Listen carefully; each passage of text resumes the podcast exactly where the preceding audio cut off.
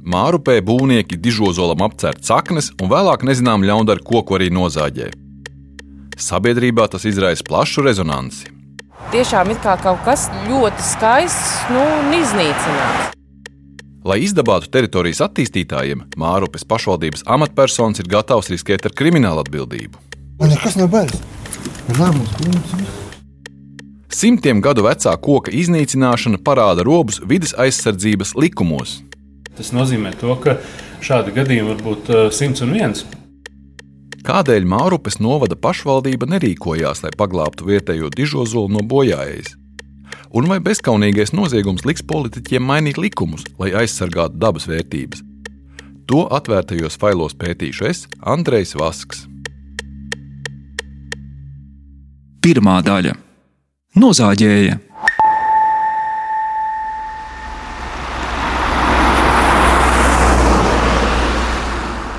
Šā gada 25. oktobris Mārupē valsts gimnāzijas apkaimē bija ierasta darba diena. Skolas klasēs mācījās bērni, turpat dažus kvartālus astatu celtnieki būvēja daudz dzīvokļu mājas. Bet kantora iela kā vienmēr bija skaļa autobusu un kravas mašīnu dēļ. Ierastie trokšņi bija arī iemesls, kāpēc neviens nedzirdēja, ka pie pamestas divstāvu daudz dzīvokļu mājas jaunceltnes turpat kantora ielas malā kāds zāģē nost ozolu.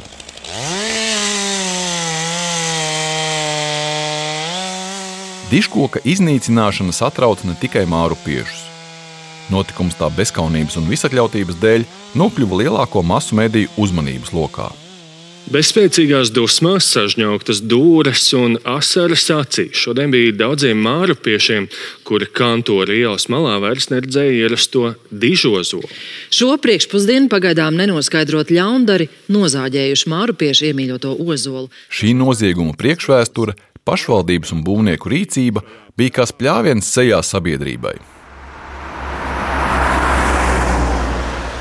Novembra beigās netālu no nelikumīgi nozāģētā ozola satieku Andru Rožu kalni. Viņa ir mazāko klašu skolotāja Mārupas valsts gimnāzijā. Tas bija svarīgi, godīgi tajā dienā, kad es nācu un es redzēju, ka tas koks ir nogāzts. Bija tāda sērīga sajūta. Tiešām ir kā kaut kas, kā, ka kaut kas tāds ļoti skaists nu, un iznīcināts. Andra redzēja ozolu ikdienu, jo tas atradās viņai pa ceļam uz darbu. Tepat man ir darbs, un tepat man ir mājas. Un, un dzīvoju jau Mārupē, nu jau būs 17 gadi. Tā kā tad, kad mēs šeit ieradāmies, tad vēl bija daudz zaļu lauku, bija plaši lauki, un nu jau skaties aizvien mazāk un mazāk un mazāk. Un tā, un tā it kā bija tā pierīga, tā zaļā pierīga pārvēršas jau par ritīgu pilsētu. Mārupē uz katra brīvā zemes pleķa agri vai vēlu parādās jaunbūve, un dabas te paliek ar vien mazāk. Tādēļ lieli koki mārupiešiem ir jo īpaši vērtīgi, stāsta Andra. Man liekas, to koku tādu retu ir maz, un kad apbūvēja katru pakšķi, liekas, jau vairs nav kur jau gāžam kokus nost, jo vajag aizvien vairāk, vairāk, vajadzīga nauda, biznesa un viss pārējais, tad liekas drusciņi bēdīgi. Ka tas jau pārņem mūsu prātus, kā mēs varam apiet likumu, kā mēs varam kaut ko ignorēt, jo kādu mēs varam nu, apmānīt. Diškoka nozāģēšana ļoti sarūktināja arī māru pieti Arni Priediņu.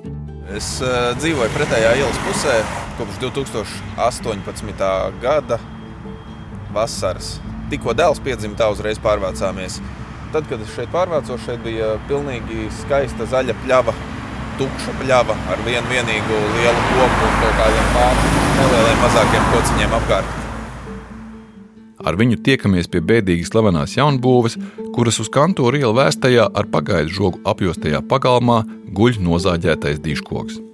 Tas koks manās acīs ir vērtība, jo viņš šeit ir audzis nezinu, 200, 300 gadus.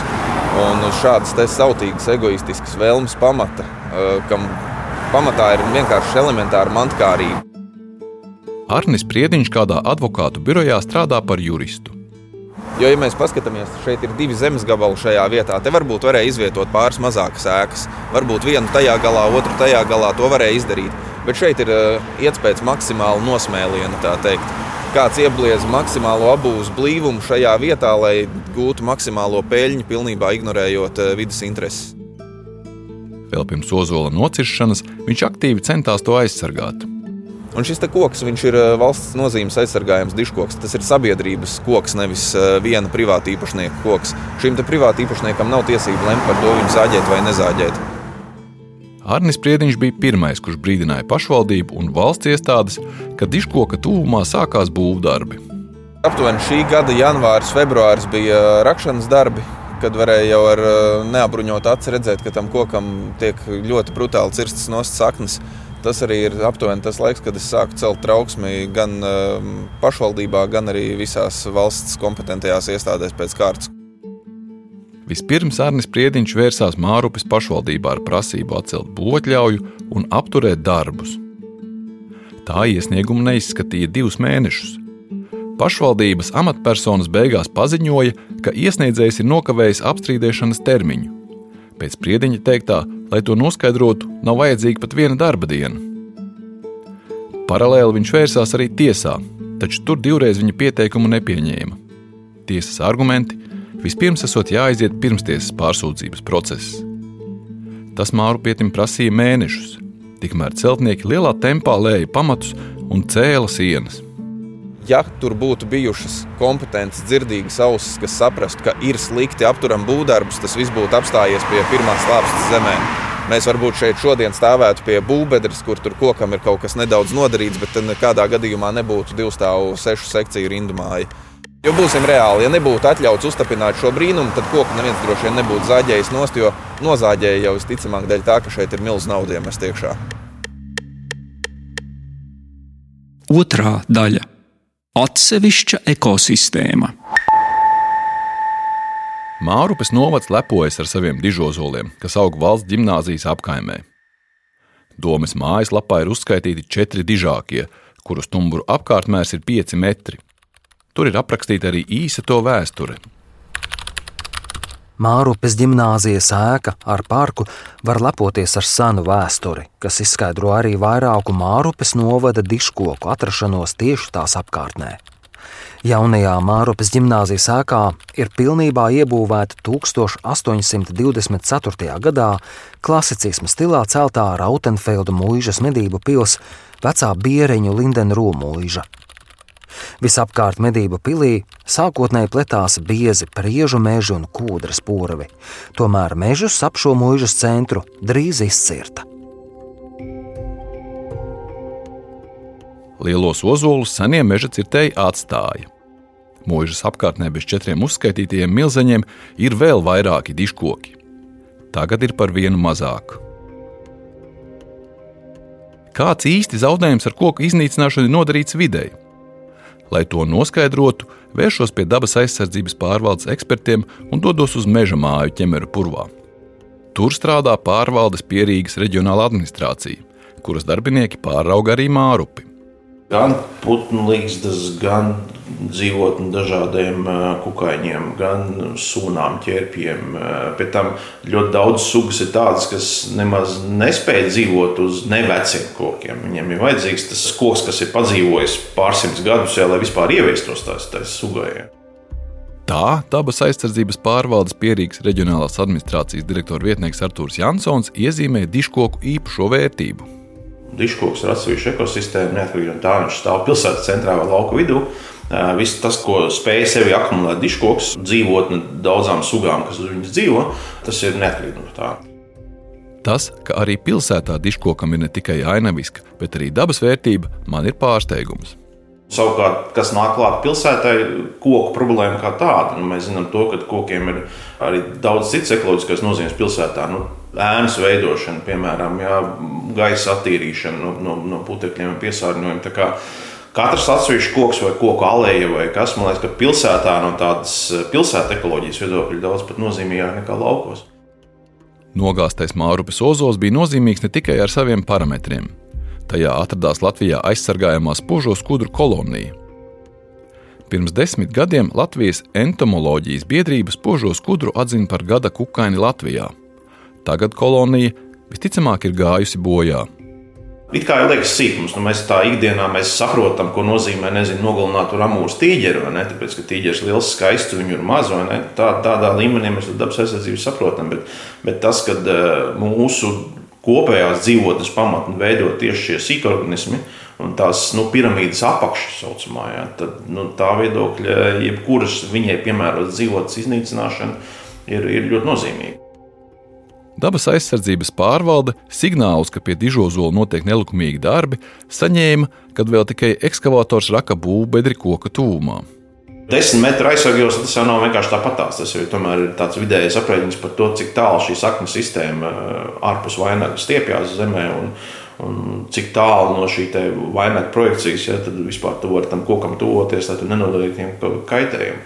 Skaidrs, ka kaut kādas garākās saknes visticamāk ir tālāk nekā 10 metri, bet tās nav tās nu, fundamentālās nu, balss saknes, mm. ja, kas, kuru pārciešana attiecīgi nogalina šo koku. Agri vai vēlu. Protams, viņš nenomirs uzreiz.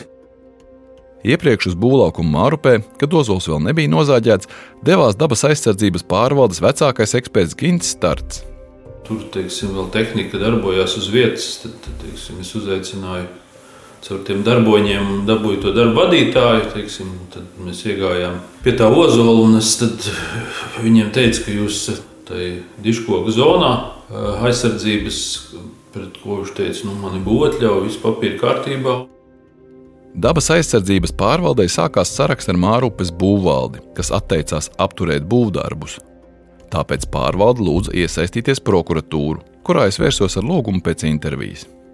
Prokuratūra uzsāka pārbaudi, un konstatējot, ka ir noticis normatīva akta pārkāpums, tad attiecīgi uzsāka kriminālu procesu un vērsās ar prokuroru iesniegumu pie Mārupes novada būvvaldes, pieprasot atcelt nelikumīgi izsniegto būvatļauju un tad, tad atjaunot sākotnējo stāvokli, kāds ir, kāds ir bijis tad, tad, līdz šīs būvniecības uzsākšanai. Armīns Reinis ir ģenerāla prokuratūras prokurors, pie kura lieta nonāca. Ģenerāla prokuratūra uzsāka kriminālu procesu uzreiz pēc divām kriminālu likuma nodaļām par noziedzīgiem nodarījumiem pret dabas vidi un par noziedzīgiem nodarījumiem valsts amatpersonu dienestā pret konkrētām personām šis process netika uzsākts, bet eh, tātad par, par faktiem izmeklēšanā būtu jātiek skaidrībā ar visu to notikušo. Tā kā būvvalde nereaģēja, aprīlī prokurors Armīns Reinis vērsās ar pieteikumu administratīvajā tiesā. Viņš prasīja atcelt būvotļauju un apturēt darbus. Dažas dienas pēc lietas nonākšanas tiesā būvvalde pati pēc savas iniciatīvas atcēla būvotļauju tāpēc tiesa lietu izbeidza. Tajā brīdī ēka jau bija uzbūvēta līdz jumtam, vietām ielikti logi un durvis. Kad gan mārupiešiem, gan prokuroram jau šķita, ka Mārupes domas pārvaldītā būvvalde ir atteikusies no būvniecības plāniem un ozols ir nosargāts no tālākiem postījumiem, notika negaidīts pavērsiens. Trešā daļa - Šiltītes nebija Ir 2022. gada 7. jūlijas. Notiek Mārpas novada domas ārkārtas sēde. Uz šo ārkārtas sēdi ir ieradušies Mārupes domas priekšsēdētāja vietnieks Mārtiņš Bojārs no Latvijas Zemnieku savienības sasauca ārkārtas sēdi. Tajā viens no diviem jautājumiem bija atcelt būvvaldes lēmumu un atjaunot būvatļauju. Tālāk sako lēmumu projekts, kurš ir ierobežots pieejamības informācijas saturošs. Līdz ar to tiek atslēgts šis tiešraides režīms.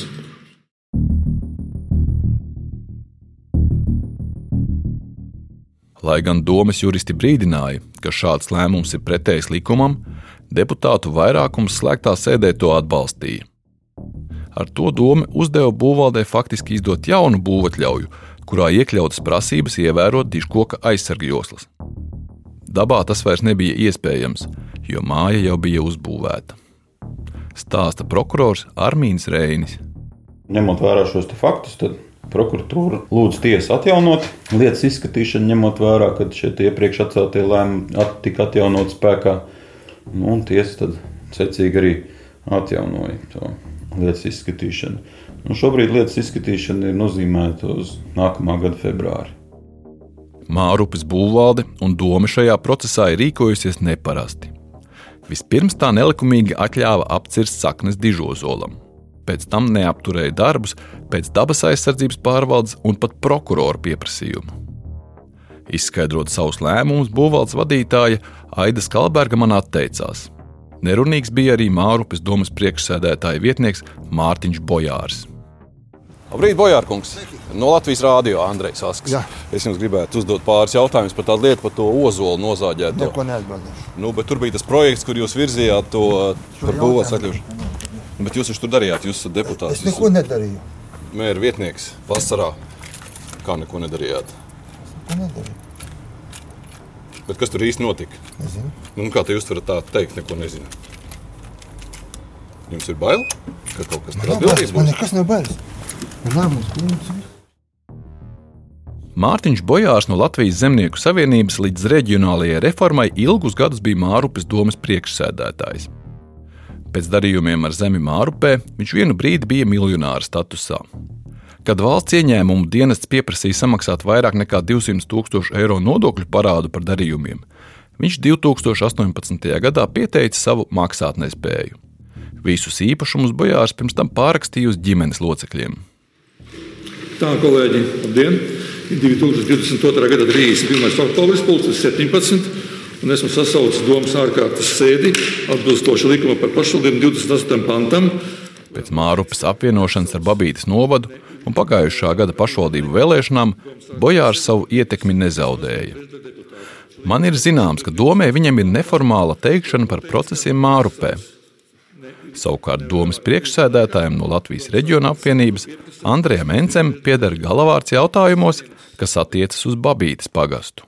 Ir saņemts septiņu deputātu iesniegums, adresēts man par domas priekšsēdētāja pirmā vietnieka demisiju un domas pieļautajiem pārkāpumiem. Tās ir šīs darbas ārkārtas sēdes darba kārtības pirmais punkts. Oktobra pēdējā dienā Mārupes doma lēma par Bojāra padzīšanu no vietnieka amata. Opozīcija uzskata, ka viņš ir atbildīgs par to, ka nav atcelta būvatļauja un nelikumīgi uzbūvētā māja nav nojaukta. Stāsta domas deputāts no partijas Latvijas attīstībai Aivars Osītis. Te jau ir, man liekas, ir saknē jābūt ļoti konsekventai nostājai. Un eh, šādi gadījumi jāvērtē nu, ļoti, ļoti, rūpīgi. Un šajā gadījumā būvvaldei vajadzēja skatīties plašāk un vērtēt visus normatīvos aktus kopsakarā, pirms pieņemt lēmumu, vai izsniegt šo būvatļauju vai nē.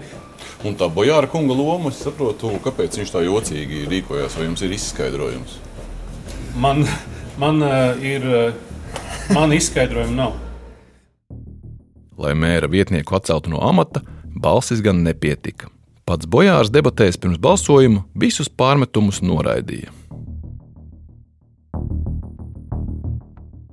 Opozīcijas deputāti, kuri pārstāv partiju Latvijas attīstībai, Nacionālo apvienību un jauno vienotību, ir sarūktināti, ka pašvaldība rīkojas pretēji iedzīvotāju interesēm un neviens par to neatbild. Turpina Aivars Osītis. Es domāju, ka tas eh, jautājums nav tikai attiecināms uz eh, mārupiešiem. eh, Tas vispār ir nu, domāju, ka Latvijas kontekstā arī pietiekami nozīmīgs, jo šis ir diezgan bīstams precedents.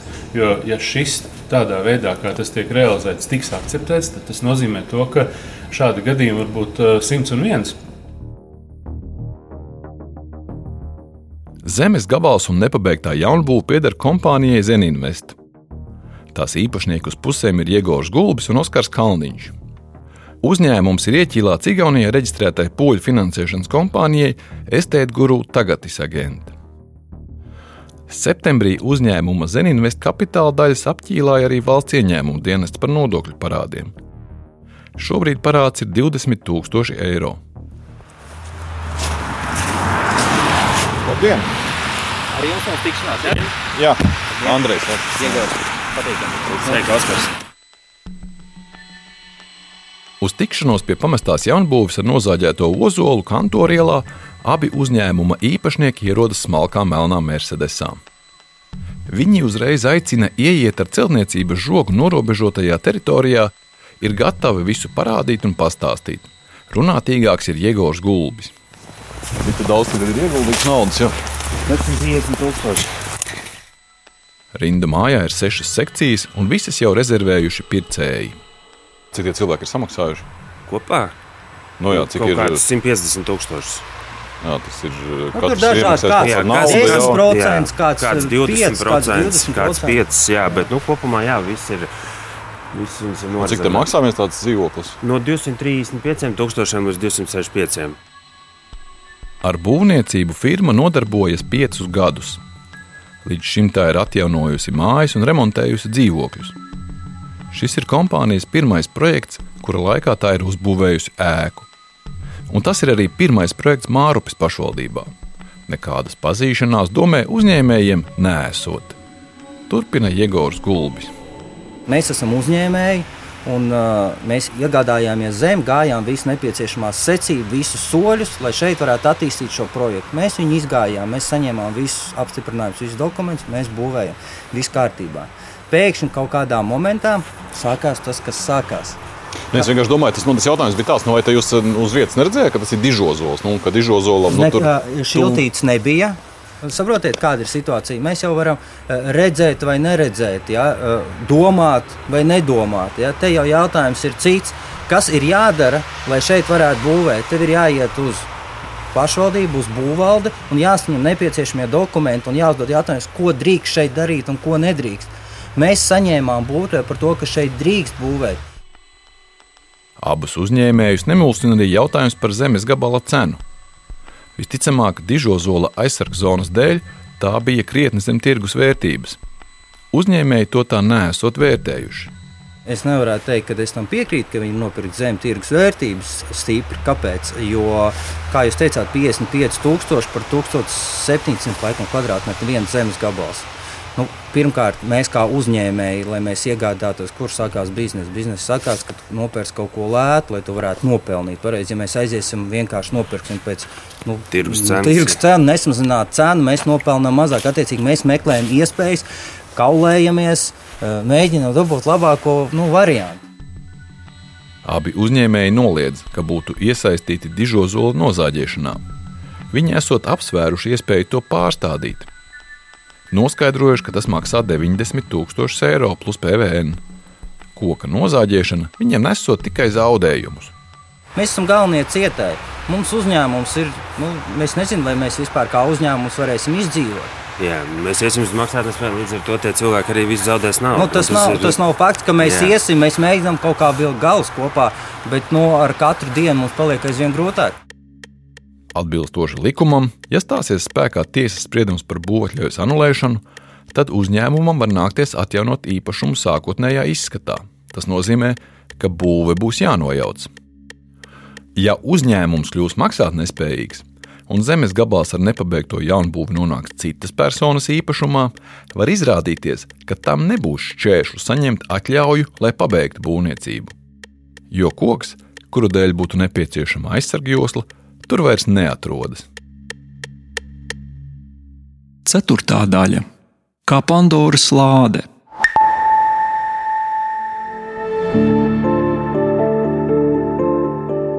Likums nosaka, ka par dižozolu nociršanu vainīgai personai iestājas krimināla atbildība un par to jāmaksā vidē nodarītais kaitējums. Dabas sargi ir pārliecināti, ka šādas sekas ir pārāk maigas, lai kaitniekus atturētu. Turklāt šādi vainīgie vispirms jāatrod. Latvijā divu gadu laikā ir konstatēta deviņu diškoku iznīcināšana. Dabas aizsardzības pārvaldē ir bažas, ka Mārupes gadījums var kļūt par precedentu un iznīcināšana vērsīsies plašumā. Stāsta pārvaldes pierīgas reģionālās administrācijas direktora vietnieks Artūrs Jansons. Te jāskatās bišķiņ uz to sodu samēru. Nu, ja mēs pieņemam, ka tur ir investēti neviens 100 tūkstoši eiro, savukārt maksimālais sods, ko tur var saņemt, ir nosacīts naudas sods. Ja? Tātad, vai tie ir nezinu, tur 27 tūkstoši eiro vai saprotam cipari, kas par to investīciju apjomu ir salīdzinoši niecīgi, tad skaidrs, ka gadījumā ja, atradīs vainīgo, kas arī tagad ir diezgan problemātiski. Tad tie 27 tūkstoši pret pusmiljonu ja, liekas salīdzinoši sīkums. Jansons uzskata, ka zemes gabalā, kurā diškoks vai cita dabas vērtība ir iznīcināta, jāaizliedz būvēt 10, 15 vai 20 gadus. Tā būtu labākā prevencija. Līdzīgi domā arī vietējais Mārupas iedzīvotājs un jurists Arnis Priediņš. Tas ir tas, ar ko es šobrīd strādāju ar vairākiem cilvēkiem kopā, lai šādu regulējumu virzītu. Bet eh, te mani nedaudz mulsina tas, ka visa šī vidas joma ir kā Pandoras lāde. Atverot šo Pandoras lādi, tur var uzreiz uzrasties uh, citu interesu lobbyis, un uh, tas var nospēlēt uh, arī tieši pretēji šīs prasības, var beig beigās izlemt arī mīkstināt. Līdz ar to riskants pasākums, bet katrā gadījumā būtu jāmēģina. Būtu ļoti racionāls regulējums, ja šāds aizliegums apbūvēt saglabātos turpmākos 10, 20 gadus. Pēc oktobrī notikušajām vēlēšanām šobrīd trīs politiskie spēki cenšas izveidot valdību. Vides ministra amats ir iedalīts apvienotajam sarakstam. Tā sastāvā ir arī Latvijas zaļā partija. Vienā no pirmajām saimnes sēdēm jautāja zaļo līderim Edgaram Tavaram, vai organizācijai jau ir kādas idejas, kā pasargāt diškokus. Viņš priekšlikumus gaida no ierēģiem, bet pats iniciatīvu negrasās uzņemties. Ja pašvaldības pārstāvji, vidas aizsardzības reģionālās attīstības ministrijas pārstāvji to rosina, es noteikti atbalstītu tādu ideju. Un, ja nerosina, tad vismaz diskusija ir, ir jāveic. Vides aizsardzības un reģionālās attīstības ministrijā saprot, ka sots par koka nociršanu, ja to dara miljonu vērtā projektā, pat laban ir pārāk maigs. Tā man sacīja ministrijas aizsargājamo teritoriju nodaļas vadītāja Inga Belāsova. Viņa arī atzina, ka konkrētas aprises priekšlikumiem vēl nav. Par Mārupes dižozolu bojāšanu un nozāģēšanu administratīvajā tiesā šobrīd ir divas civilietas, kurās vērtē, vai būvatļauja ir likumīga.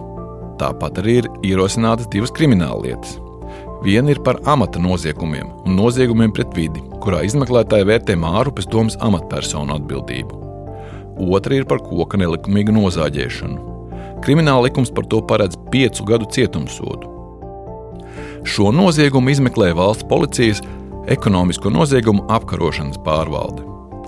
Tās nodaļas priekšnieks Vitālijs Polovinskis sola pielikt visas pūles, lai vainīgos notvērtu. Es varu apstiprināt, ka mēs strādājam. Šobrīd ir e, darīts viss, lai pierādījumi tiktu pareizi savākti un nosacināti krimināla procesā ietvaros ar krimināla procesa likuma paredzētām metodēm. Un esmu pārliecināts, ka rezultāts būs. Uz vainīgā atrašanu cer arī Arnis Priediņš. Viņam ir grūti samierināties, ka dižozols ko viņš centās pasargāt no lēnas bojājējas, ir brutāli nozāģēts, un turpmāk ēka šajā vietā atgādinās par noziegumu. Viņš ir apņēmies panākt, lai šis nodarījums kādam nekļūtu par peļņas avotu. Cik tālu tas ir no manis atkarīgs un uh, ko es spēšu, to es darīšu, tas tā nepaliks.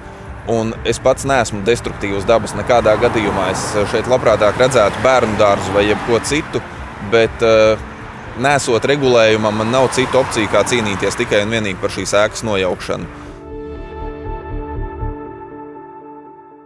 Raidījumu veidoja Andrejs Vasks, Džedars Dželzis un Rēnis Budze. Atvērtie faili!